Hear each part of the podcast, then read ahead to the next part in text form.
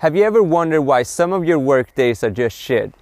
You know those days at work when nothing really goes your way and eight hours pass by and you look back and feel like shit, I haven't really gotten anything done.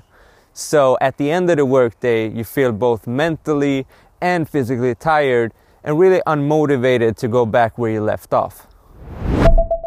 A couple of years ago, this was my reality, and I can imagine that many of you are having days like these as well especially now that most of us are working from home and find it hard to focus or get motivated. But there's a solution to this. By tapping into something that is called the state of flow, we can get more done and feel excitement and joy during our days of work. So, in this video, I will show you how to get into the flow state on command so you can get more out of your working days and stay motivated. But hold on, can you really enter the flow state when working from home? Well, let me explain. Working from home is a new reality for many of us. One big benefit with it is that we're closer to our family and get to spend more time together. But we're also closer to work, which makes it more challenging to keep focused during the day. For example, when the occasional coffee break quickly escalates into a cleaning session. And just when you start to feel productive and focused, something or someone interrupts you and you have to start all over again to get your focus back. And now that we no longer see our working colleagues in the office, we often try to compensate with even more communication on different channels online, like email, Slack, Teams, Skype, and even text messages. And at the end of the day, when the workday is supposed to be over, we often find ourselves putting in some extra hours just to cover up for the unproductive moments we had earlier.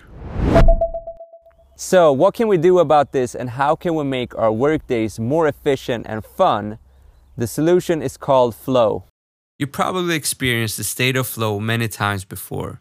Like when you're at work and everything just goes your way.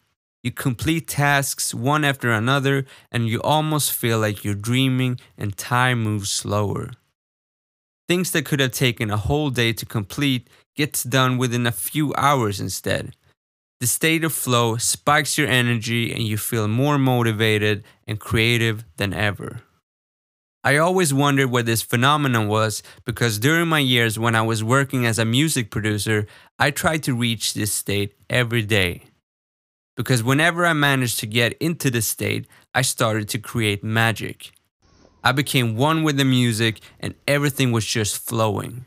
Now, flow is not something that I've come up with myself. It's actually backed by studies made by psychologists and professors. And according to these scientists, uh, flow or effortless attention, as they call it, is this a mental state in which a person performing an activity is fully immersed in a feeling of energized focus, full involvement, and enjoyment in the process of the activity.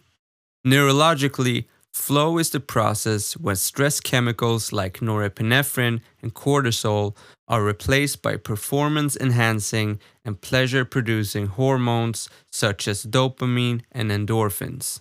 So, this explanation sounds pretty complicated, but athletes often refer to this state as being in the zone.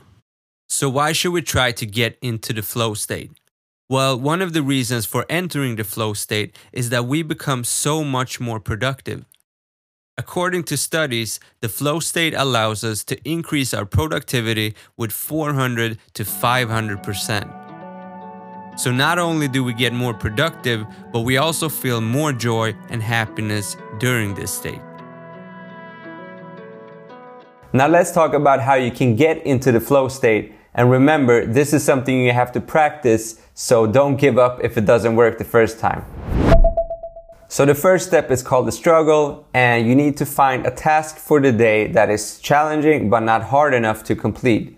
And during this phase, it can seem difficult and you probably get stressed and feel that you suck, but that's totally fine. Keep working at the problem. And when you're stuck, move to step number two. So, step number two is called release. When you're stuck, do one or a few of these to release stress hormones. Take a break, walk, stretch, meditate, work out, or take a power nap for 20 minutes. In that way, we let our subconscious mind work at the problem while we're taking a break. Then go back and complete simple tasks that are not challenging nor time consuming. This will create momentum and put you into the next phase.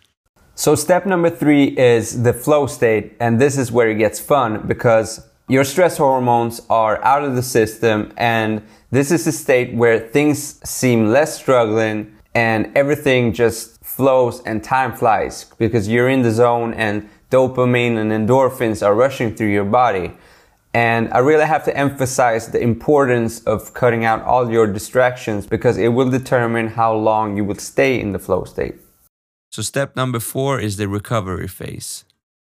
The flow state consumes a lot of energy and your nervous system is being challenged, so it's important to recover. Eat healthy food and get some rest. If not, you will risk burnout. So, if you want to know more about flow, then I've provided some links below that you can check out. And also, I made a PDF checklist that you can download, which is basically a preparation process that you can follow to be able to enter the flow state more consistently. And to summarize this video, being able to enter the flow state at command is a massive skill to have because it will allow you to be more productive and also feel enjoyment at the same time. And it really forces us to stay in the present moment, which I'm a big proponent of. And I think that will lead to more happiness as well. And one thing that would make me happy is that if you want to support me in any way, then click the like button and also subscribe because in that way we show the YouTube algorithm that this video is fire and that they need to show it to more people. So if you want to support me, uh, it would mean the world to me if you could do that. So I gotta get going, but um, until next time, much love and happiness, guys. Cheers.